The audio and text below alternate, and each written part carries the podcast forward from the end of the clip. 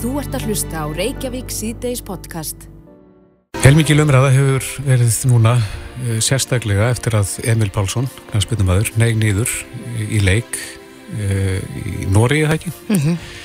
Það sem að hann fór í, í hjarta stopp, í það minnsta hjarta flögt og uh, það fóð nú betur náhorðist í fyrstu. Algjörlega og samkvæmt fyrir ettum sem byrst hafa í daga þá, ja, allavega samkvæmt yfirlýsingu Sogndal mm -hmm. er ástand Emil stöðugt núna en hann verður rannsakaður frekar í dag.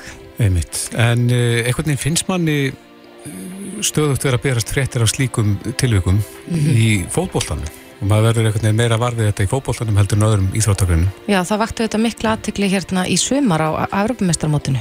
Já. Þegar að leikmaður danska landsliðsins nýja niður í, í miðum leik. Einmitt.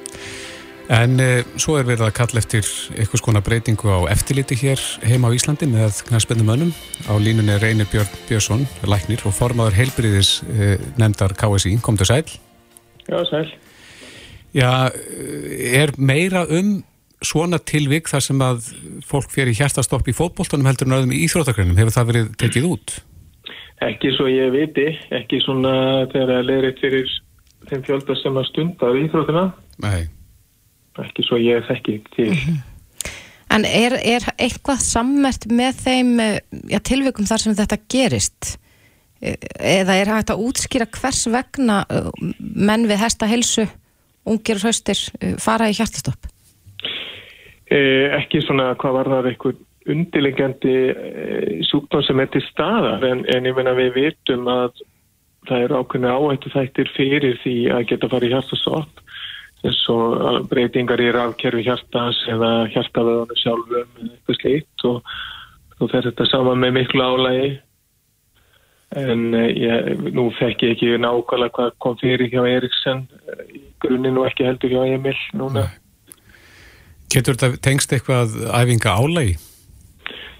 Já, eflust gera það. Ég meina nefndi nú hérna með fókbóltan fókbóltan það er náttúrulega mikið álega langa tíma, kannski lengri tími heldur en hjá mörgum en alls ekki öllum, en það er margir sem stundir þetta mm -hmm. og, og hérna, og þetta verður kannski sjá þetta held ég meira hjá atvinnumönnum en án þess að ég hafi einhverja svona statistika bak við það, það var þetta bæði sko Eriksson alltaf topp íþrótamæð sem er búið að, búin að fara í alls konar rannsóknir Mm -hmm.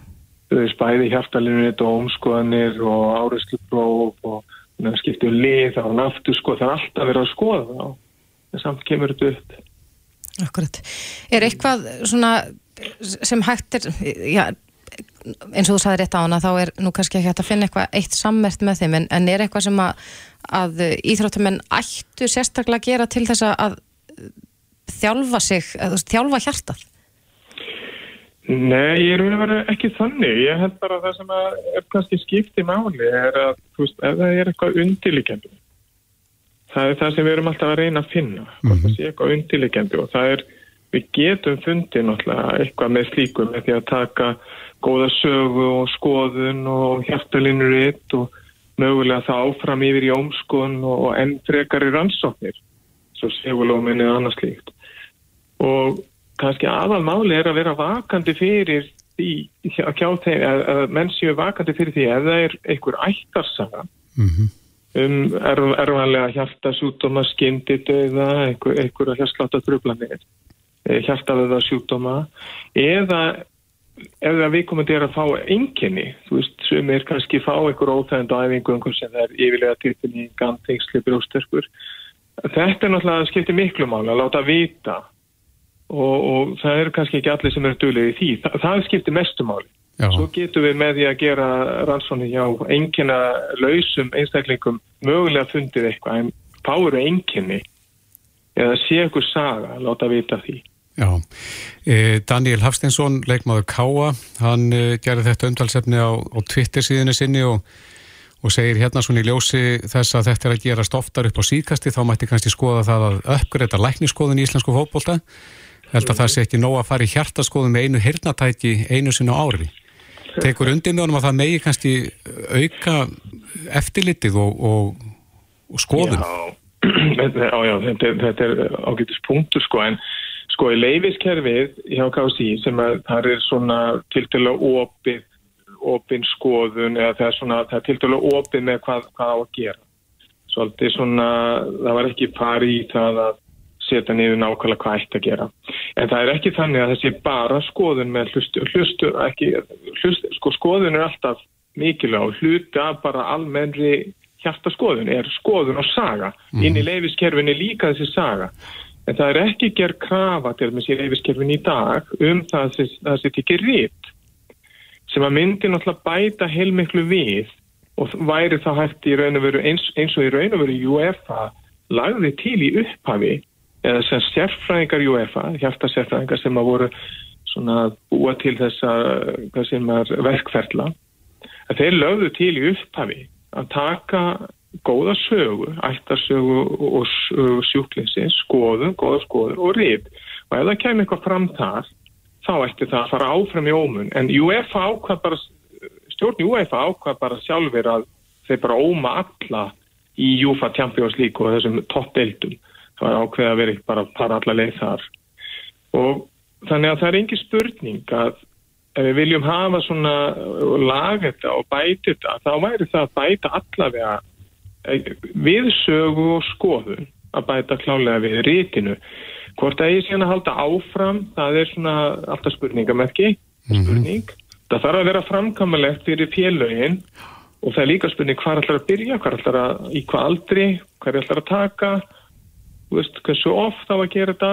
Er þetta eftirlit nákvæmara í landónum í kringum okkur? E, ég held að þetta sé nú sko svipa nema þegar þú ert komin í þessar atvinnumanna dildir, þá held ég að setja ekki rétt. Mm -hmm. En það er ekki, ekki, ekki, ekki, sem sagt, það er ekki hvöðum að taka, eða ekki hvöði heldur, það er ekki skild að taka ómun. En það er til dæmis í lands í leikjum á vegum UEFA, Champions League landsleikjum, þá þarf að óma þá einstaklega á tvekjar og fresti. Mm -hmm. Það er bara reglur sem eru þaðan. En eh, reynir nú er oft talað um að í slíkum tilvikum að þá skiptir sköpum hvernig viðbröð eh, annara í kring eru. Fá, fá eh, liðsfélagarnir eða hinir í liðinu þjálfun í slíku eins og hjartan hnúði og, og fyrstihjálp? Sko það er náttúrulega, ég vona það sé þannig, ég vona það að það sé það en það er heldur ekki, þetta er nú eitt af því sem við ætlum að taka upp á fundi, það verður nú fundi núna í 17. 17. november, það sem við ætlum að fara yfir þetta, sjá hvort við gerum breytingar en það er búið að vera áherslu á það bara, ekki bara hér, þetta er út um allt og júfa og er að allir sem að koma að leiknum að þeir fari endurlíkuna námskeið. Mm -hmm og það er rosaflott orðið á öllum þessum stóru leikvöngum og Emil er þarna á stóru leikvangi og líka Eriksen þannig að það er allt til alls. Uh, þessi þekkingi er þarna það er fullt af hjartastöð en það veit allir hvað er að gera. Hárrétt viðbröð í báðum tilfellum. Algjörlega, algjörlega. Og það er eitt af því sem að við sem sagt, eða við ætlum að ræða þarna er hvort að það er að vera reyna að setja einhvers konar já, að það sé bara uh, það sem að mandaturist eða Já, það eigi að vera þannig að þeir sem er að vinna velli, að þeir eigi að vera, ég veit ekki endilega með liðsfélag, en allavega þeir sem er á vellinum, að þeir kunni fyrstu viðbröð mm -hmm. og auðvitað þessi líka kjensla til þeirra sko leikmanna að menn þekki, þekki að þetta er alltaf spurningu um það. Númer eitt er að þekka, aftur að sjá því hvað er gangi, við komum til dettur, það er númer eitt. Ok, þetta er hjartaslopp, númer tvö, kalla hjálp og númer þrjú að geta byrja hnóð og svo blástur ef að við á. Mm.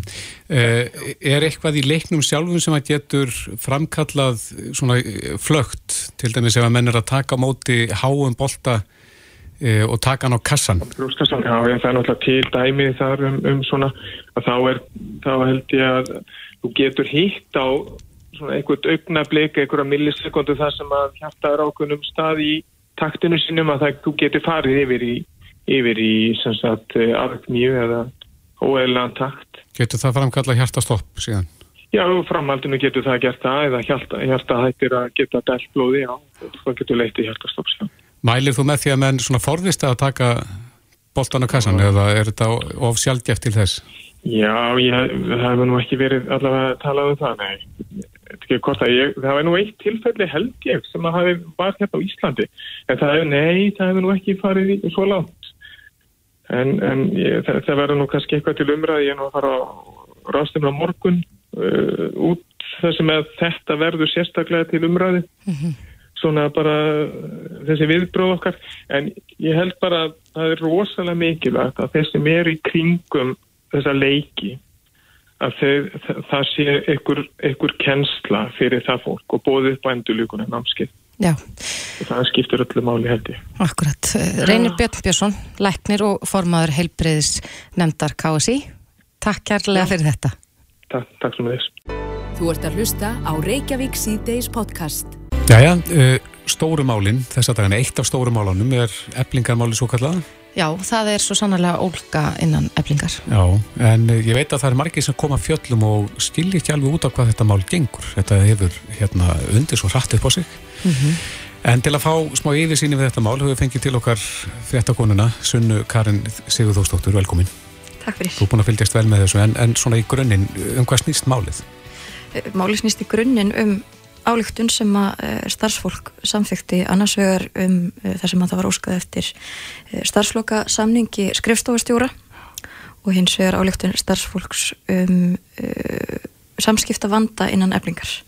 þar sem að Solveig Anna og, og fleiri uh, eru borðnir nokkuð þungum sökum meðal annars er Solveig Anna sögðu halda svo kallan aftökulista og sögðu fremja alvarleg kjærasamlingsbrot þess að álíktun var samþygt í, í júni, 9. júni Af starfsfólki eblingar. af starfsfólki eflingar undirritað af uh, trúnaðamönnum fyrir hönd starfsfólks uh, við þessu verist ekki hafa verið brugðist og þannig var uh, stjórnarmæður í eflingu sem komst á snóður um þetta og óskaði eftir þessum álíktunum en Að fá að sjá brefið. já, hafði ekki erindi sem erfiði og, og hérna uh, í framhaldinu fer hann uh, í viðtal hjá Ríkisútvarpinu og ræðir þetta.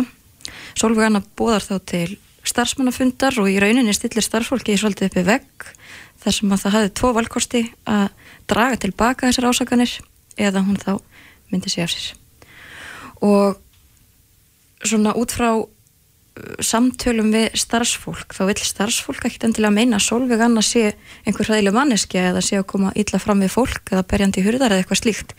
Hins vegar hefur einhvers konar vandi ríkt þarna innan hús og uh, yfir því hefur ítrekka verið kvartað en við því hefur ekki verið brugðist og það er náttúrulega hennar ábyrð að bregðast við því ef að fólk er að upplifa einhvers konar vanlíðan eða, eða óryggi í starfi og það er, svona, það er svona í grunninn þannig en hins vegar verðist einmitt vera eitthvað óryggi þarna í gangi út af því að starfsfólk það uh, tristir sér ekki til þess að koma fram til nafni.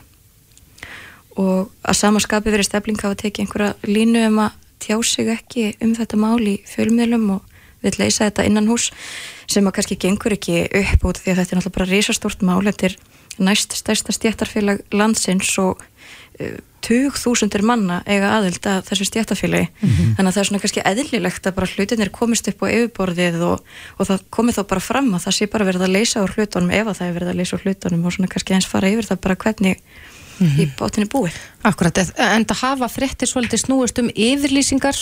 Uh, Solveig Anna skrifaði nú bara held ég á Facebook síðu sína og, og listi því yfir að hún hefði uh, sagt af sér. Viðar Þorstensson framkvæmtastjóri sagði síðan frá því held ég líka á Facebook að hann ætlaði sjálfur að, að uh, segja upp.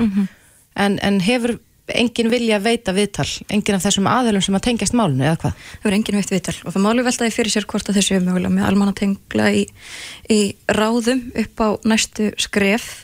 En uh, við hefum reynd að ná í þessa einstaklinga uh, frá því á frá því um helgina.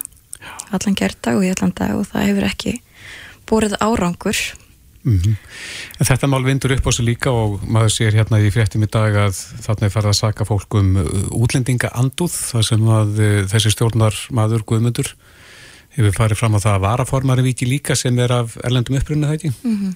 Já, ég get, get nú ekki ímynda mér það að uh, þessi krafa hans um afsögn varaformannsins tengist uppruna hennar. En það máli velta ég fyrir sér hvaða áhrif þetta hefur haft á stöðu Guðmundar þarna innan stjórnarinnar, ég meina í beinu framhaldi af þessu fór stór hluti starfsfólks fram á að hann sjálfur segðu upp Já, að hann Guðmundur sem er, sem er stjórnarmæður, ekki Hann er satt? stjórn- já, hann er stjórnarmaður, já. En nú hafa trúnaðamenn hjá Eblingu gefið út yfirlýsingu fyrir hönd starfsmanna stjættarfélagsins að, að það hafi ekki verið þeirra vilji eða meininga að, að Solveig myndi segja af sér. Já, það er einmitt svolítið málið sko, hérna að starfsfólk uh, vildi leysa þetta mál. Starfsfólk vildi ekkert að, að málið að þetta uh, færi á þennan veg að hún myndi segja upp út af því að svona út frá því, því fólki sem ég hef talað við þá er þetta fólk bara nokkuð sátt við hennar störf sem verkalýs leituða, talar bara um að hún hafi bara staðið sig nokkuð príðilega í þessari stöðu. Þannig að viljið þeirra var alltaf að leysa þetta en þeir upplifa þannig að þeir, þeim hafi bara verið stilt upp í vegg. Það voru ekki laðarninar tilugur til úrbóta þannig og þess vegna fór þetta svona. Og ég, ég minna hann uh, Viljálmur uh, verkalýslið tói á Akranesi, hann talar líka Birgisson. Byrkjesson, einmitt, hann talar um það að, hérna, að þarna hafi fólk kannski aðeins farið fram úr sér. Það hefði alveg verið hægt að leysa þetta. Er þá seint? Getur hún dreigið þessa afsöksina tilbaka? Ég held að sé á sint núna, bara Já. út frá þessari umræðu sem að hefur uh, svona hvernig hún hefur þróast og bara þennan mikla samskipta vanda sem virðist þarna ríkja. Akkurat. En þetta er auðvitað sérstak vegna þess að nú er eins og þú segir næst stærsta stjættafélag landsins eh, nánast eins og hauslaus her það er hvorki formaður nýja frangöndastjóri starfandi. Hefur þú eh, heyrt í fólki tengdum verkefliðsreifingunum um hver næstu skref verða? Mér skilst að uh, þetta fólk, þess að stjórnin uh, ætla að koma saman í dag eða næstu daga til þess að fara svona yfir næstu skref. Uh, stjættarfélagið er starfandi og ASI hefur lísti yfir að ef að uh, félaginu vantar einhver aðstóð þá er þetta staðar. Þannig að skrifstofun er opinn og það er allir að vinna sína vinnu en uh, varaformaðurinn uh, veit okkur stutt viðtal núna í, fyrir hátegisvettir og hún talar um að, að núna segir rauninni bara verða að leysa úr þessu með hvað hætti við svo sem ekki Nei. Þannig að þetta kemur vantilega til með að stýrast en þetta hefur svona gerst á, á miklum hraða. alveg gríðilegum hraða Já. og þetta er, ég held að maður geti alveg fullist að, að þetta er eitthvað neginn svona komanni gríðilega óvart Mm Er félagi stjórnlaust í dag? að, ég held ekki, nei, það virðist ekki vera Nei. hún er uh, eins og staðan er núna þá ætti varaformaðurinn að vera starfandi formaður þó því hafi ekki verið líst formlega yfir en hún er hins vegar að sinna þessum störfum Já. Hefur ASI eitthvað þurft að grípa inn í málinn þarna? ekki eins og staðan er núna Nei. en hefur líst sig reyðbúin til þess að að aðstóða en þeir mun ekki stíga inn í e, þá myndun nýra stjórnar eða fara fram á ný stjórn sem mynduð innan einhvers ákveðins tímarama Nei. Já, við heldum áfram að fylgjast með þessu og þið munið eflust segja okkur frá þessi í fréttum stöðvar 2. Sunna Karin Sigurþórsdóttir. Takk kærlega fyrir komuna. Takk fyrir Þetta er Reykjavík C-Days podcast. Jæja, Reykjavík síðdegis, það er ein nefnd sem ég veit að margi býða spenntir eftir niðurstöðu frá. Það er þessi undirbúnings kjörbrefa nefnd eða undirbúnings nefnd kjörbrefa nefndar. Já, og svo segir hér að vísi í dag að e, þetta sé undirbúningsnemnd fyrir rannsókn kjörbrefa. Nú er það komið í einastóra flækju í höfðun á mér verði að segja. Já, en e, það heyrist ekki mikið frá nefndinni. Við erum komin í samband við nefndarmann í þessar nefnd, Inga Sæland, komdu sæl. Já, heil og sæl verði. Við náðum að nappa þér af fundi nefndarinnar. Já, við erum mjög dugleg. Við erum bara alltaf á fundi. Og hvernig gengur?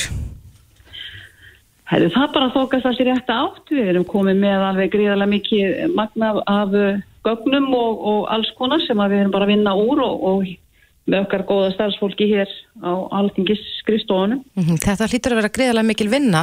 Nú hafa eh, 17 kærur ekki satt borist til nefndarinnar. Jú, jú, það er hafa gert það og við höfum í rauninni uh, flest allir kærendur hafa komið fyrir nefndina og fyllt eftir sínum kærum. Ég held að sé aðeins uh, þessi nýjasta sem að, að varðaði kjörbref uh, Birgis Þóraðinssonar að sá einstaklingur hefur ekki komið fyrir nefndina. Nei, En, þá, en, en að öðru leiti þá erum við með mikið magn og við erum bara að vinna úr þessu. Þetta er búið að vera starfstagur í dag, okkar starfstagur, engin gestir hafa verið fyrir nefndinni í dag mhm. heldur erum við bara búin að vera að vinna, vinna okkur í gegnum uh, öll gögnin sem við erum með og, og, og koma þessu saman í, í heilstaða, heilstaða mynd eins og við viljum, eh, viljum hafa það. Já, þið eru ekki bara að fara yfir málefni norðvestu kjördanis, þetta eru fleiri þarna sem að eru undir. Já, en náttúrulega er megin, megin uh, rannsókn okkar eh, þegar náttúrulega er, er lítur að norðvestu kjördami, það er nú, það er nú megin, megin viðfóngsefni. Já, er þú farin að hallast í eitthvað átt í og eitthvað niðurstöðu í, í þessu máli? Nei, við býðum bara eftir að, að sko vera komin með alla grindina upp og, og, og algjörlega heilstaða mynd áður en við getum farið að, að tjá okkur um neitt slíkt. Já, er það ekki komið með heilstaða mynd? Er það ekki komið með heilstaða mynd af því sem að gerðist þarna í norðvæstu kjörðami?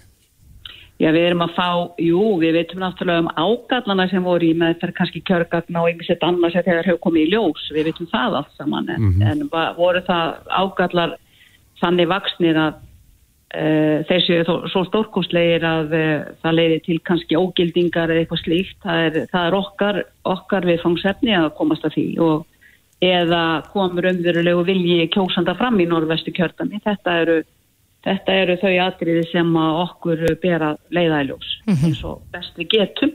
En þeir eru líka að, að já, skoða það í hvað kjördæmum utan kjörfundar atkvæði hafa ekki verið innsikluð og nú síðast í dag tjáði Birgir Ármannsson formaður kjörbrjánemndarnar eh, seg hérna eh, í fjölmjölu og saði að, að hann teltið ekki skipta megin máli hvort að þessi utan kjörfundar atkvæði hafi verið í innsiklu um atkvæði hvað sem ekki. Tekur undir það með honum? Já, það er nú kannski út af því að þessi utan kjörfundar atkvæði við höfum fengið það upplýst að það var ekki búið að opna eh, eitt einasta utan kjörfundar atkvæði síðan það var gert eh, að bærum, bærum aðilum. Þau eru náttúrulega, þau eru náttúrulega í tveimur umslugum eins og allir þekka sem hafa góðsið utan kjörfundar. Fyrst er það okkar atkvæð og síðan að setja í annað umslag sem er innsiklað þannig að í raun og veru og þessin utanu gögnin hafi ekki verið innsiklað þá að hvert einasta atkvæði Eh, örugt þar sem það var nefnum einhverjum hefði náttúrulega dótt í huga að taka þau bara á, og fara með þau eitthvað í burtu sko. Já, en líka þið, þið eruð að fara yfir þetta mál og það er náttúrulega eh, fjölmörg gögn sem ykkur hafa borist svona í framhaldin af þessu. Mm. Verði ykkur að breytinga sínist þér þegar það verður kosið næst til alþingis? Er, er, serðu þér er að þetta komið til með að, að hafa ykkur að breytingar í förmið sér? Já, kostningalögjöfun, við höfum verið að vesanast í henn á síðasta kjörtumabili og, og ég held að ný kostningalögjöf átt að taka gildi núna 1. janúar næstkomandi.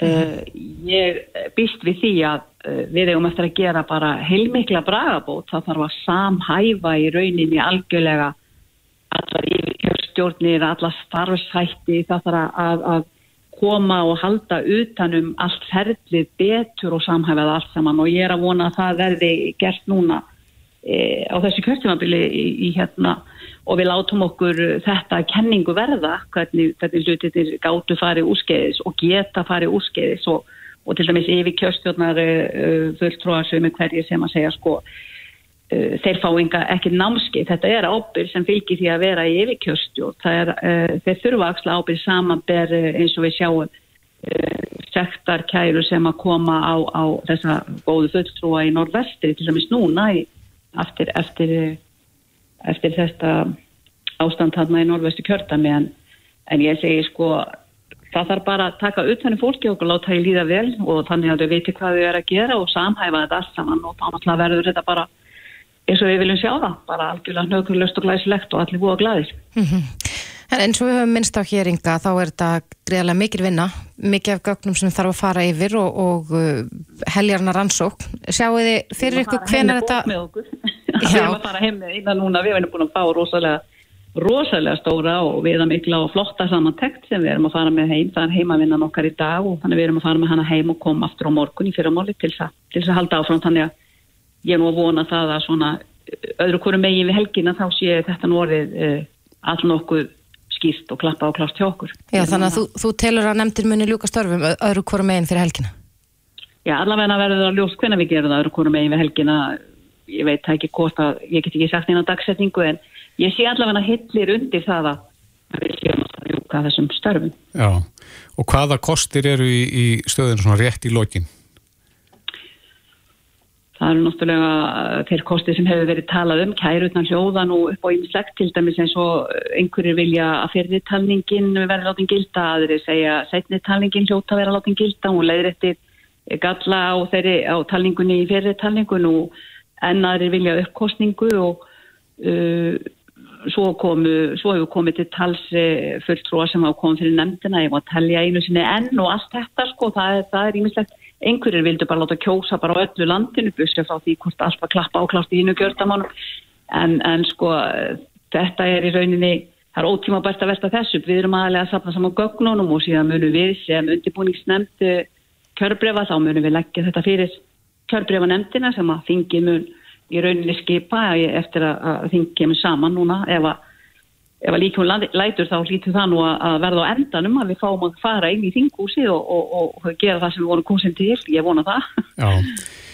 Inga, við býðum bara spennt. Öðrum hverju megin við helgina segur þá ljútið ykkar störfum. Kæra þakki fyrir þetta. Nei, ég sagði það náttúrulega ekki. Ég sagði öðrum hverju megin við helgina þá vona ég að við sjáum svona hvernig við ljúkum okkar störfum. Mm. Æja, ósk ekki á mér, en kæra þakkir. Takk fyrir ykkur. Bless, bless. Reykjavík síðdeis á Bilginni podcast.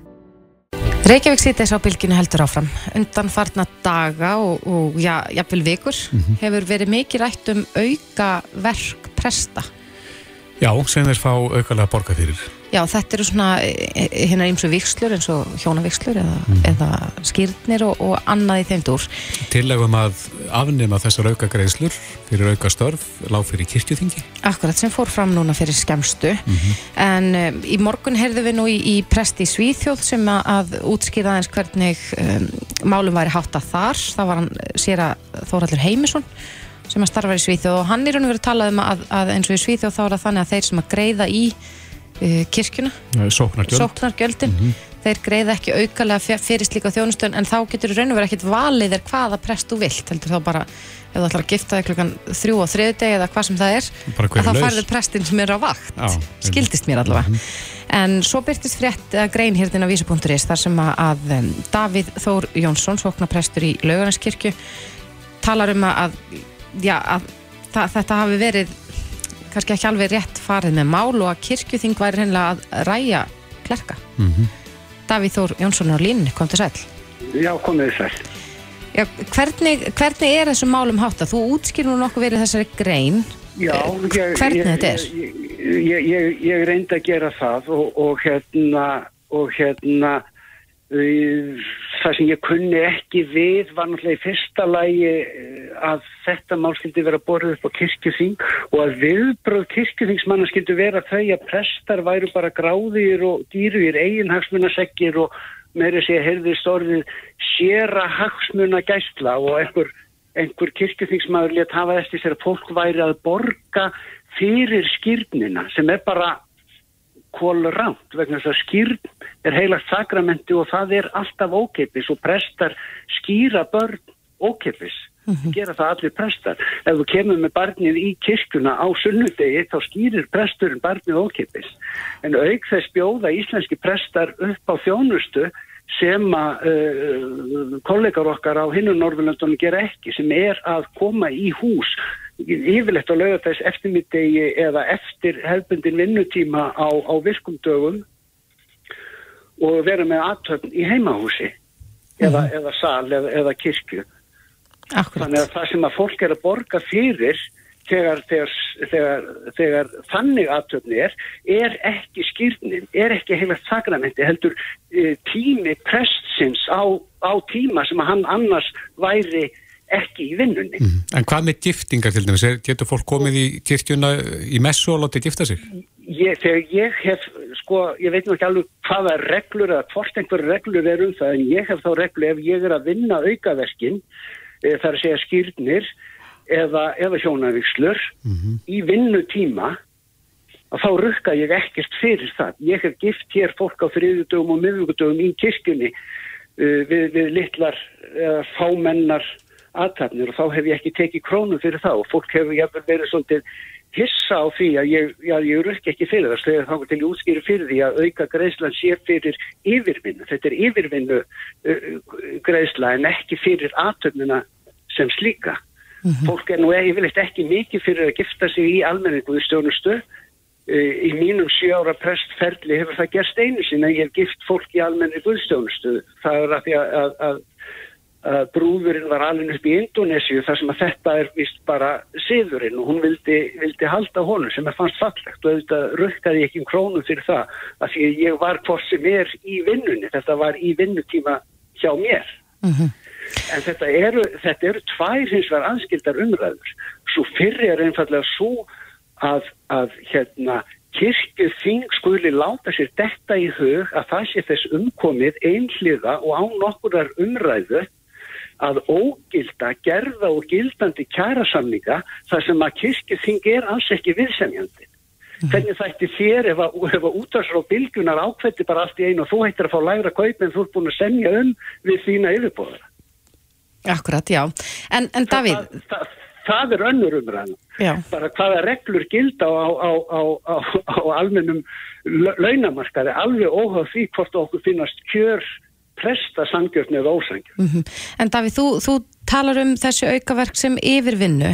Uh, einhverjum getur þótt að þá eðlilegt að vinnu veitandin greiði uh, já, það gælt? Það, já, og, en í þessu tilfelli litir svo á að, að vinnu veitandin sé, þar að segja, verkkaupin sé sá sem að byður um, um, um, um þjónustuna. Uh -huh. Þetta skýrnir og hérna, skýrt, sérstakar skýrnar aðtarnir og hjónavíslega aðtarnir heyra ekki undir venjulega svona uh, vinnu skildu presta ef ég má orðaða þannig. Mm -hmm. En Davíð, þú sagðir hérna áðan að fólk geti komið til þess bara í messu og sunnudegi og, og fengi barnið sitt skýrt. Já. E, stendur öllum það til bóða eða bara þeim sem að eru í þjóðkirkjunu og greiða sóknagjöld? Það stendur öllum það til bóða. Þjóðkirkjan er sem þjóðkirkja vegna sem þjónusta hennar er við þjóðin og köllun hennar er að sinna þjóðinni. Þjóðkirkja er ekki þjóðkirkja af því hún sé ríkisrekin eða vegna tengsla sinna við, við, við uh, ríkið. Uh -huh. Þjóðkirkja er skilgreining á því hvernig kirkjan uh, upplifir sjálfa sig og köllur sína, ekki á, á rekstrarfeilkommalagi. En það er ekki allir í þjóðkirkjunni? Nei, nei. Og það er fullt af fólki sem að óskar eftir þjónustu þjóðkirkjunar án þess að tilhæra þjóðkirkjunni og þá er hún veitt um yrða löst. Biskup hefur ljáð máls á því að vegna samdráttar og fækkunar í þjóðkirkjunu þá gæti farið út í það að, að þjóðkirkjan þurfi að fara að einskorða sig við að þjóna aðeins þeim sem skráður eru þjóðkirkjuna mm -hmm. og, og fólki hugnast það ekki vegna þess að því fælist ákveðin eðlisbreyting á sjálfskilningi þjóðkirkjuna. Mm -hmm.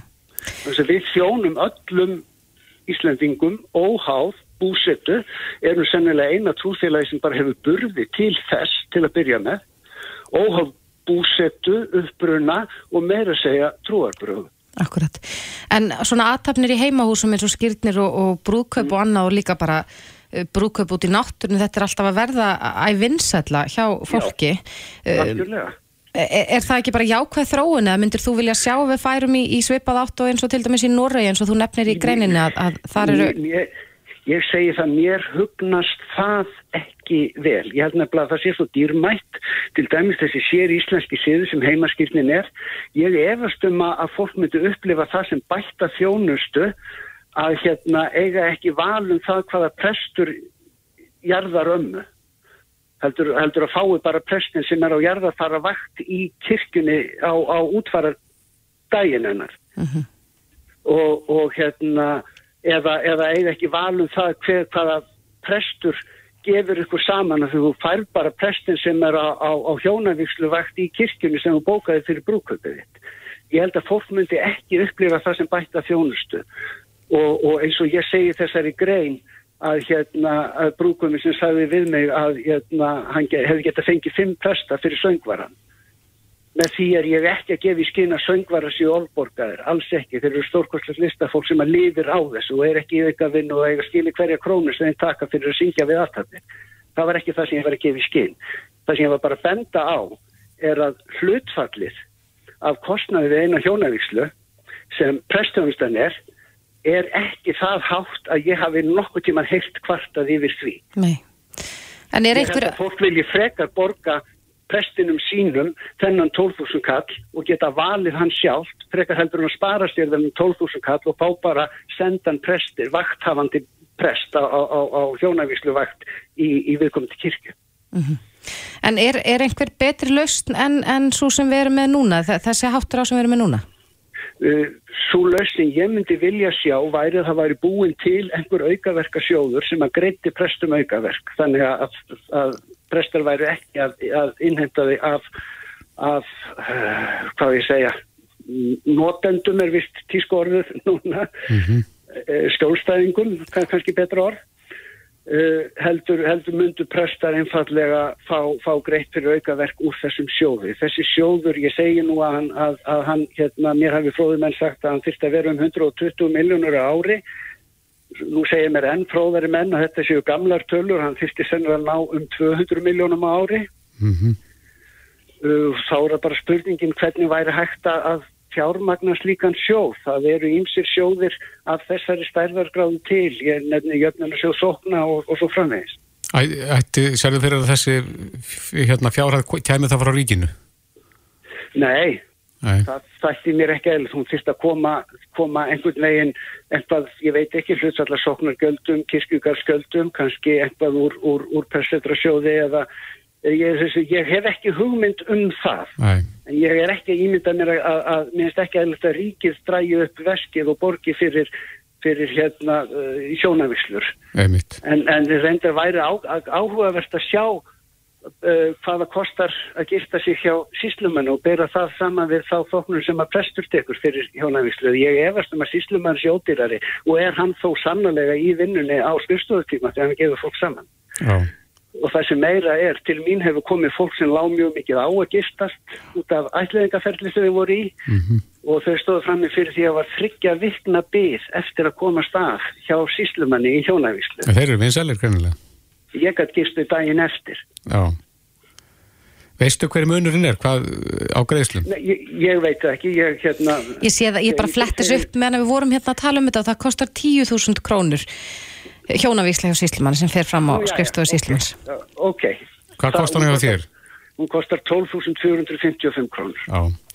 Já, já. Og það er, og það er samkvæmt gjaldskrá frá innanriksraðanitinu. Já. Einmitt. Davíð Þór Jónsson, prestur í löganestyrkjum. Gott að heyri þér. Kæra þakki fyrir að fara eins yfir þetta mál með okkur.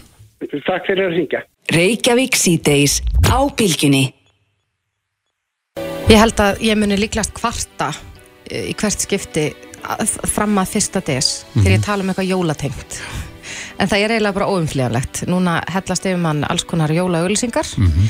og við höfum talað um jólabókaflóðið en e, það er annað flóð væntanlegt eða svona nýbyrjað eiginlega Já. og það er jólabjórflóðið Þeir, er... Þeir eru fannir að koma núna er það ekki í röðum þessi jólabjórar? Jú, ég held að, að snjórin hafi fallið hérna fyrir helgi. Er það túborg? Þa, það er túborgjólbjörn mm -hmm. sem er nú alltaf gríðarlega vinsætl og það er bara, eh, við erum svolítið að stæla uh, dönsku vinn okkar með því að en, hafa svona hálgerða hátíð í kringum þetta. Þið verður afsakað að ég veit ekkert um bjór.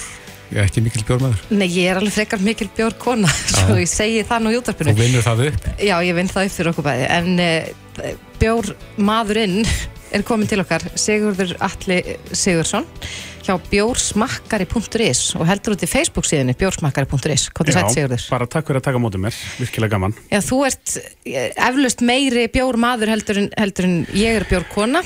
Já, heldur en meðal maðurinn kannski. Já, hvað, ef þú þurftir að slumpa hvað heldur að hafa smakkað margar bjórtegundir? Um, það er ábygglengur staðar svona 600-700 tegundir. Svona, já, myndi ég, myndi ég áallega sko. Áttuðu upp á alls af þeim? Guð, ég er bara, hérna, þetta er orðið svo rosalega mikið, jú, ég, ég á klálega minn uppáhalds bjór, sko, mm -hmm.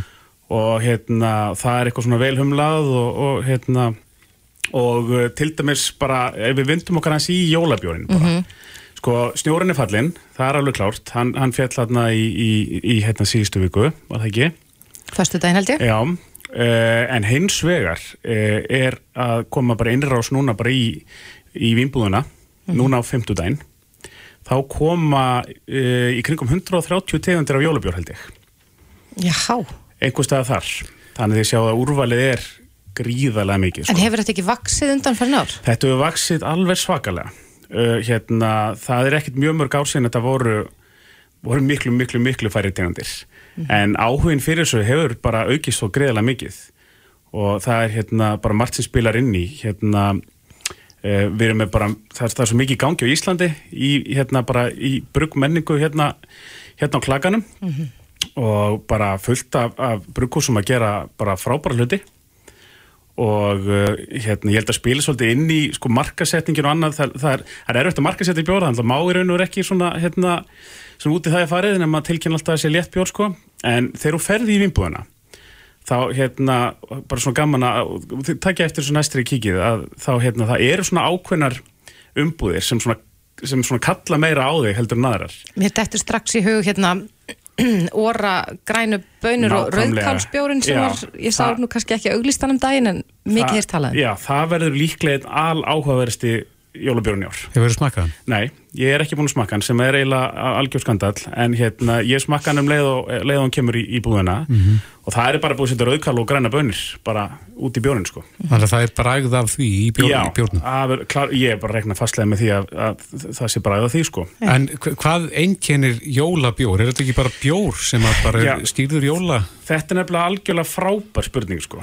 uh, hérna, þá að því þið spurðum um uh, minn uppáhalds jólubjór er bara alls ekkert jólulegur eina sem er jólulegt við hann er það að hann er hérna, bruggaður fyrir jólin og, og er bara til uh, frá november fram að, að árumóndum Hvað bjór er það? hann heitir Jólakísi frá Malbygg og uh, er bara hérna, í raun og bara óskup vennilegur svakalega mikið humlaður bjór Hvað þýðir það að bjór sér humlaður? Er það bara, mikið? já, hann er bara mjög bræðmikill, hann er beiskur og hérna og, klárlega alls ekki allra Mhm. en, en ég get alveg lofa eitthvað því að hann á mjög stóran hérna, aðdóndahóp Já. Er einhver svona einn jólabjór sem þú ert mjög spenntur fyrir? það, ég, ég verði eiginlega að segja bara óra Já. ég held það, það þetta er eiginlega einn klikkaðasta hugmynd sem ég hef, bara, hérna, hef bara séð sko, eða heyrt um Mhm. en það sem enginn er jólabjóra, þú spurðir af því að þá er það í raun og veru það að menn er að vinna með svona einhverja jólalega hluti í bjórnum, það er hérna e, kökukrydd það er barr til dæmis bara, ég myndi eitthvað bara barr af, af tré Svona greni. af greni, Já. uh, lakrís hérna, Macintosh hefur farið í bjór uh, Carmela, Candice, Mandarína þú veist, svona kanill þetta er svona jólabjór reyða mjög margir samilegt, þeir eru mjög þeir eru, mjög kryddaðir mm svona, þannig er svona mm. upplifun að þeim Akkurat. en eins og ég segi, svo er bara til alveg tölversta bjór sem er bara alls ekkert jólalögur sko. Já. Hefur þið smakkað vondan bjór eða er þetta bara misgótt? já, já, alveg absolutt sko. það er hérna þannig að því sem haldið til að haga að, að mér finnst mjög gaman að smakka nýja bjóra þess vegna er, er ég nú með þetta allt saman en hérna, guðmið góður, það fer alveg oft, oft bara í vaskinn sko. Já. Það er bara, það er bara því miður þannig. Eh, smekk og manna eru þetta gríðarlega gríðarlega mismunandi.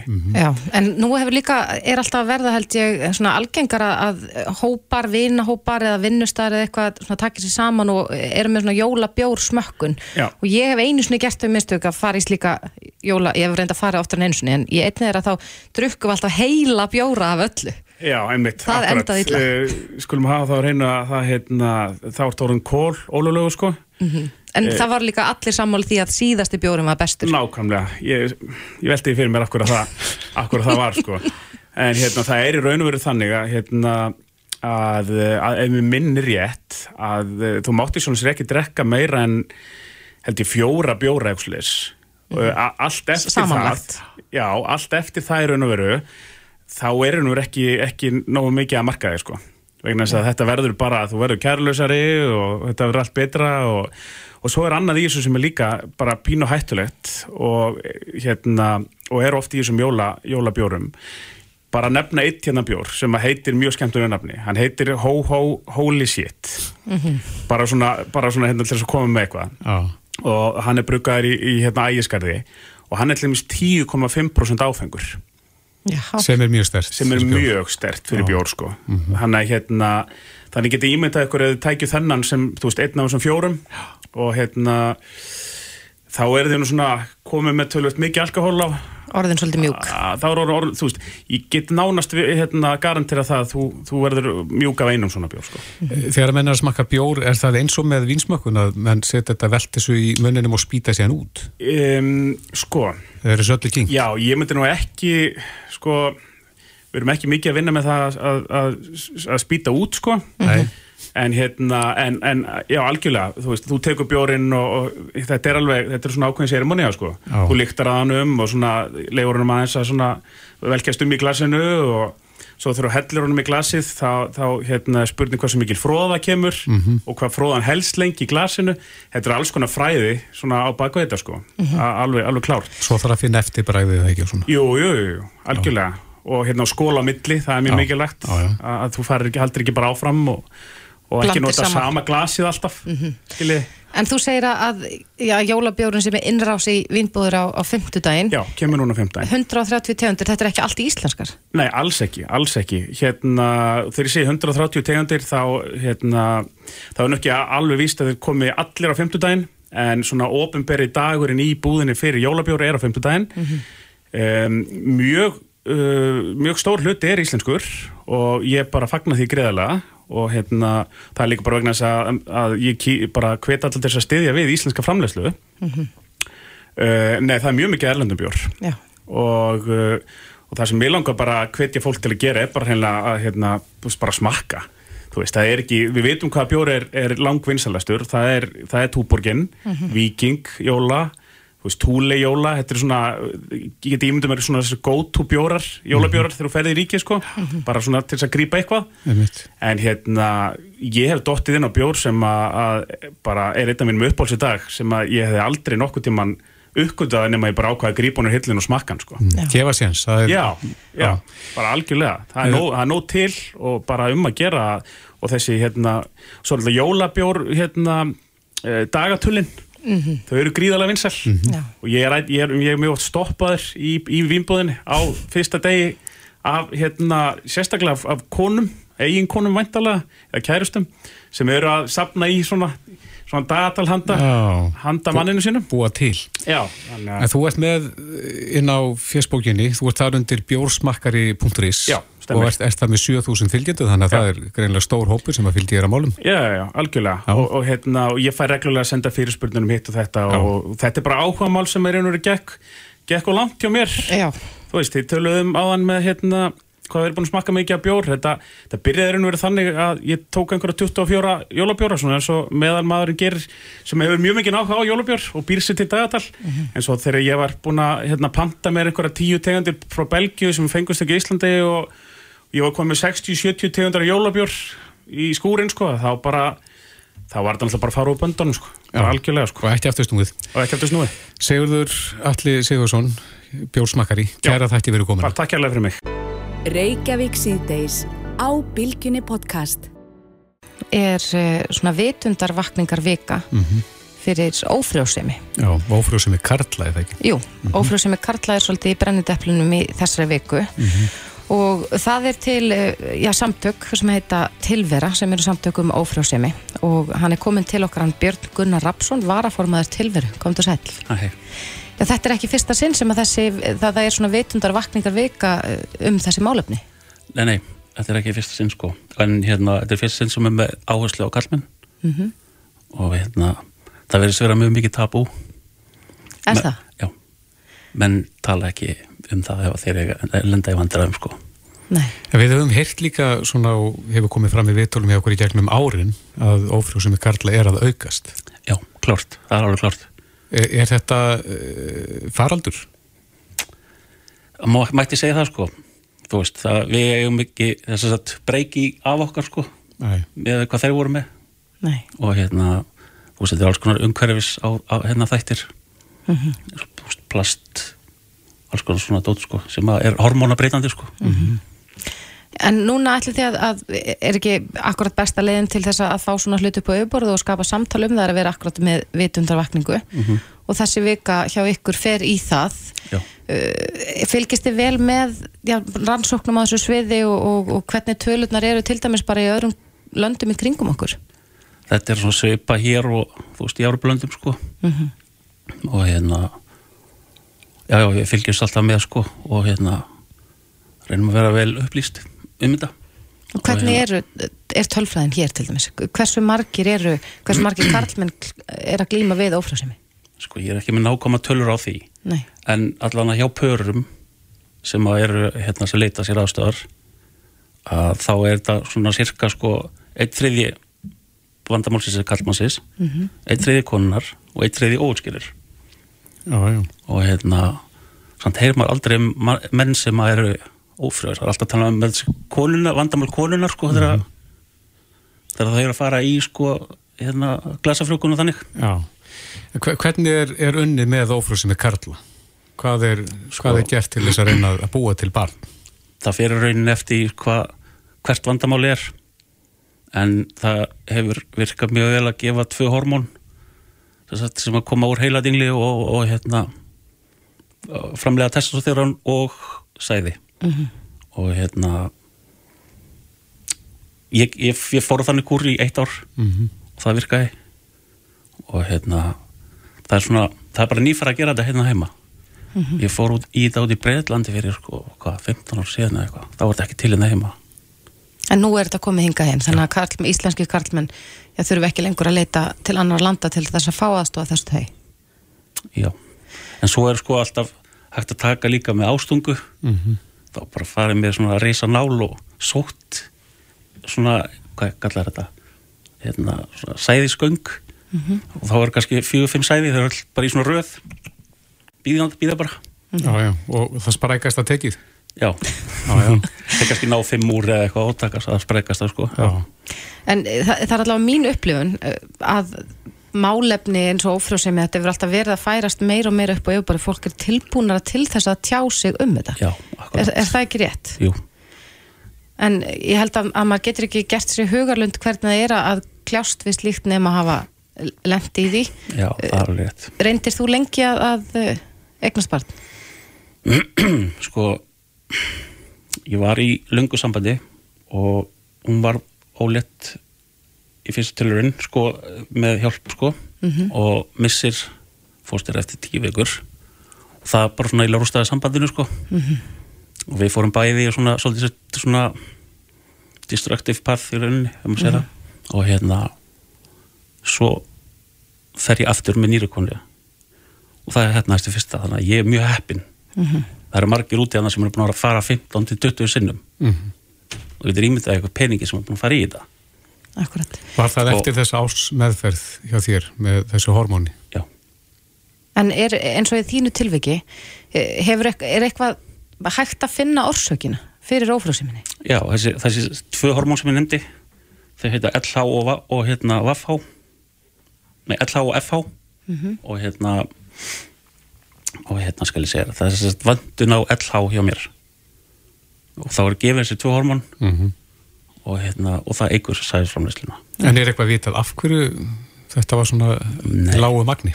það er ekki ég var hjá hérna, ég bjó í Breitlandi þegar ég fór hana fyrst og hérna var hjá einu virtasta svona hérna frjósemisleikni í heimi Mhm. og hérna hann sagði þú veist það er bara ekkert ekkert að segja sko Nei. En maður heyri líka mjög oft talað um sko bara almennt varandi ófrjósemi að auðvitað er þetta líka gríðarlega kostnaðsamt ferli að fara í. Já, Eh, hvernig sem á það er litið nánast. algjörlega. Er, er einhver þáttaka tekur, tekur sko ríkið eitthvað þátt í já, já, já, já. Ríkið hefur gerir það batnað? já, já, við höfum verið að berjast. Það er svona okkar helst baráttu mál sko að hérna íta við þeim og það kom inn að helst í tvö ár síðan sem að breyttu í sko. Og hérna eftir þrýsting frá okkur.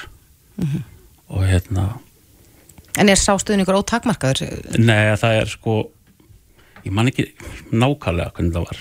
En það er sko, þau borga fyrstu meðferðina úst, að mestu liti og svo fer að minkandi og það eru bara fimm sem að borga eitthvað í. Og hvað tekur þetta við litt margar meðferði? Það er rosalega erfitt að segja það bara sumir eins og hjá mér, ég var bara mjög heppin sko Já, það er bara og fyrsta. hérna, já, Mhm. og hérna það eru margir að núti sem eru búin að fara 15-20 sinnum og ekki eins og Nei. En, en eru þessi, þessi samtök tilvera, Mhm. uh, fara þau stækkandi ár frá ári?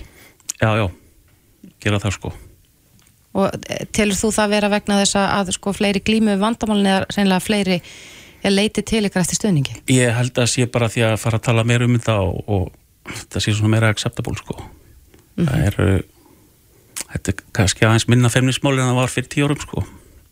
Akkurat. En þið hljótaði að fagna því? Algjörlega. Já, Algjörlega. en, en uh, þessi vika, Mhm. uh, eru þið með uh, einhvers konar dagskrá í kringum hana þar sem þið vekið aðteklu ykkar starfsemi? Já, það er í kvöld, er, sagt, við erum alltaf með í hverju mánu hérna, kaffihúsakvöld Mm -hmm. og núna í kvöld klukkan átta erum við með hérna, kalla kaffihúsakvöld það við hefum verið með það einu svona ári undanfarnir þrjú ár. Að ég held sér að þetta sé fjóruð ári já. Og hérna það er svona misvel mætt á það sko. Mhm. það er svona já, það er ekki margir kallmenn sem mæta sko. Er þið með fyrirlestra eða er þið bara mæta og Nei, það spjalla mætum við saman bara á spjöllum og bara deilum sko. Reynslusögum. Já, Og finnið þið að, að karlmenn já, þeir eigi erfitt með að tjásu um þetta. Já, já, algjörlega. Þannig að þeir eru að reyna að fá sem flest út úr skelinni og, og, og ræða málin. Já. En, það, Fólk veit svo lítið um þetta sko.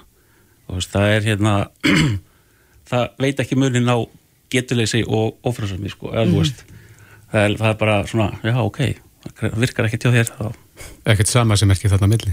Nei, Nei.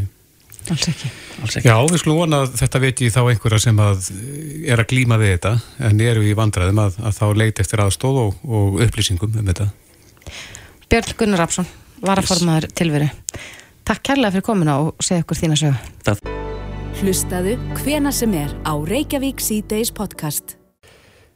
Reykjavík síðdeis, það er náttúrulega þeim er að fjölga COVID-fréttonum Já, því miður þá er það staðan að faraldurinn virðist vera á smá uppsveiflu.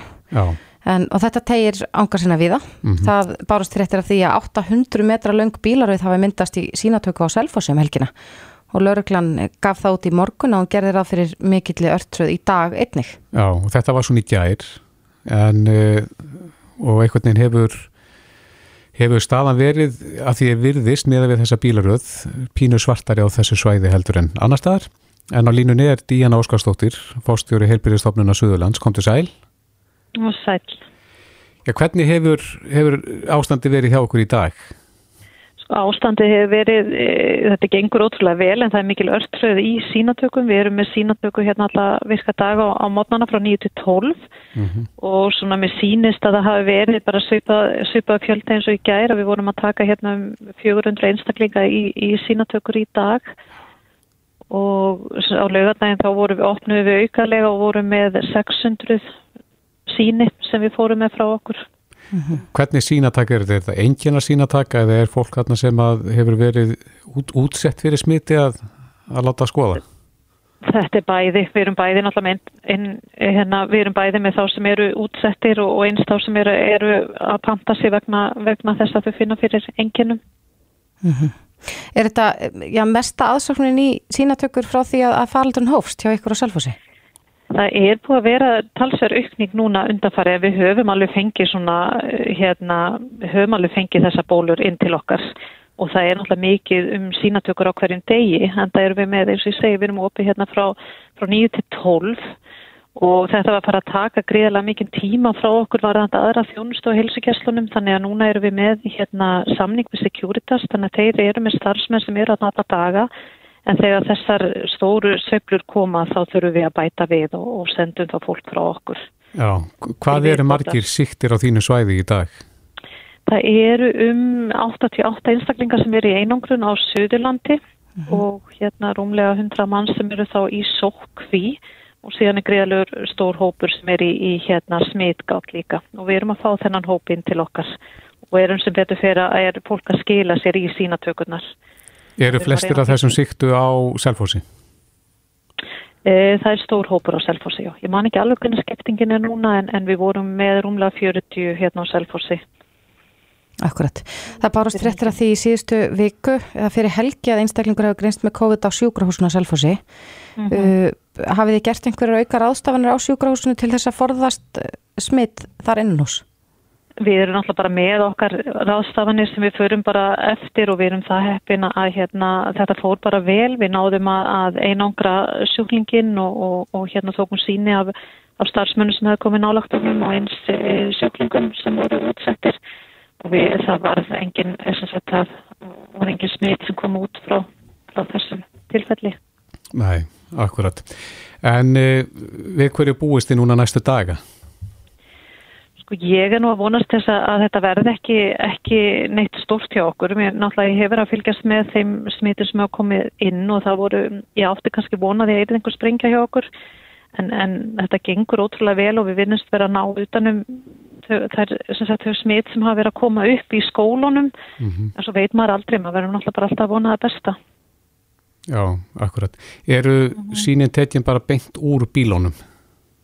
Já, það er nefnilega svolítið merkilegt að við erum svo lánsum að við fengjum húsnaði hérna undir hérna kjallaranum hjá krónunni mm -hmm. og, og þar keira, keira bílatnir í gegn og koma sagt, þannig að einstaklinga fara ekkert út úr bílónum.